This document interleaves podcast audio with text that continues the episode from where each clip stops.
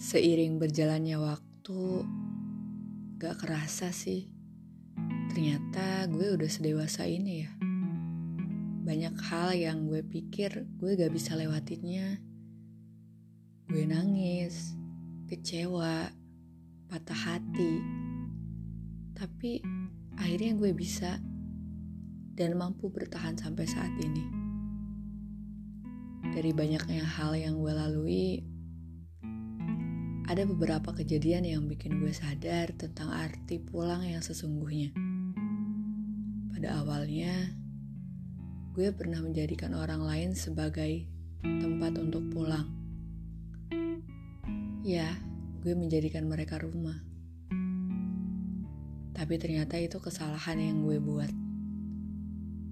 Well, ketika gue menjadikan mereka rumah, ketika mereka mematahkan gue, mengecewakan gue, membuat gue sakit hati, gue jadi bingung buat pulang. Kayak, aduh gimana nih, gak ada tempat buat pulang. Dan sejak saat itu gue sadar, ternyata tempat pulang yang paling nyaman adalah diri kita sendiri.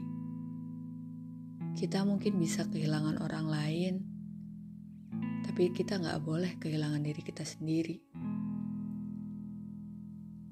Ya, semua berawal dari diri kita sendiri, kan? Ketika kita akan menerima orang baru di hidup kita, kita juga harus mencintai diri kita sendiri. Ya, begitupun dengan rumah.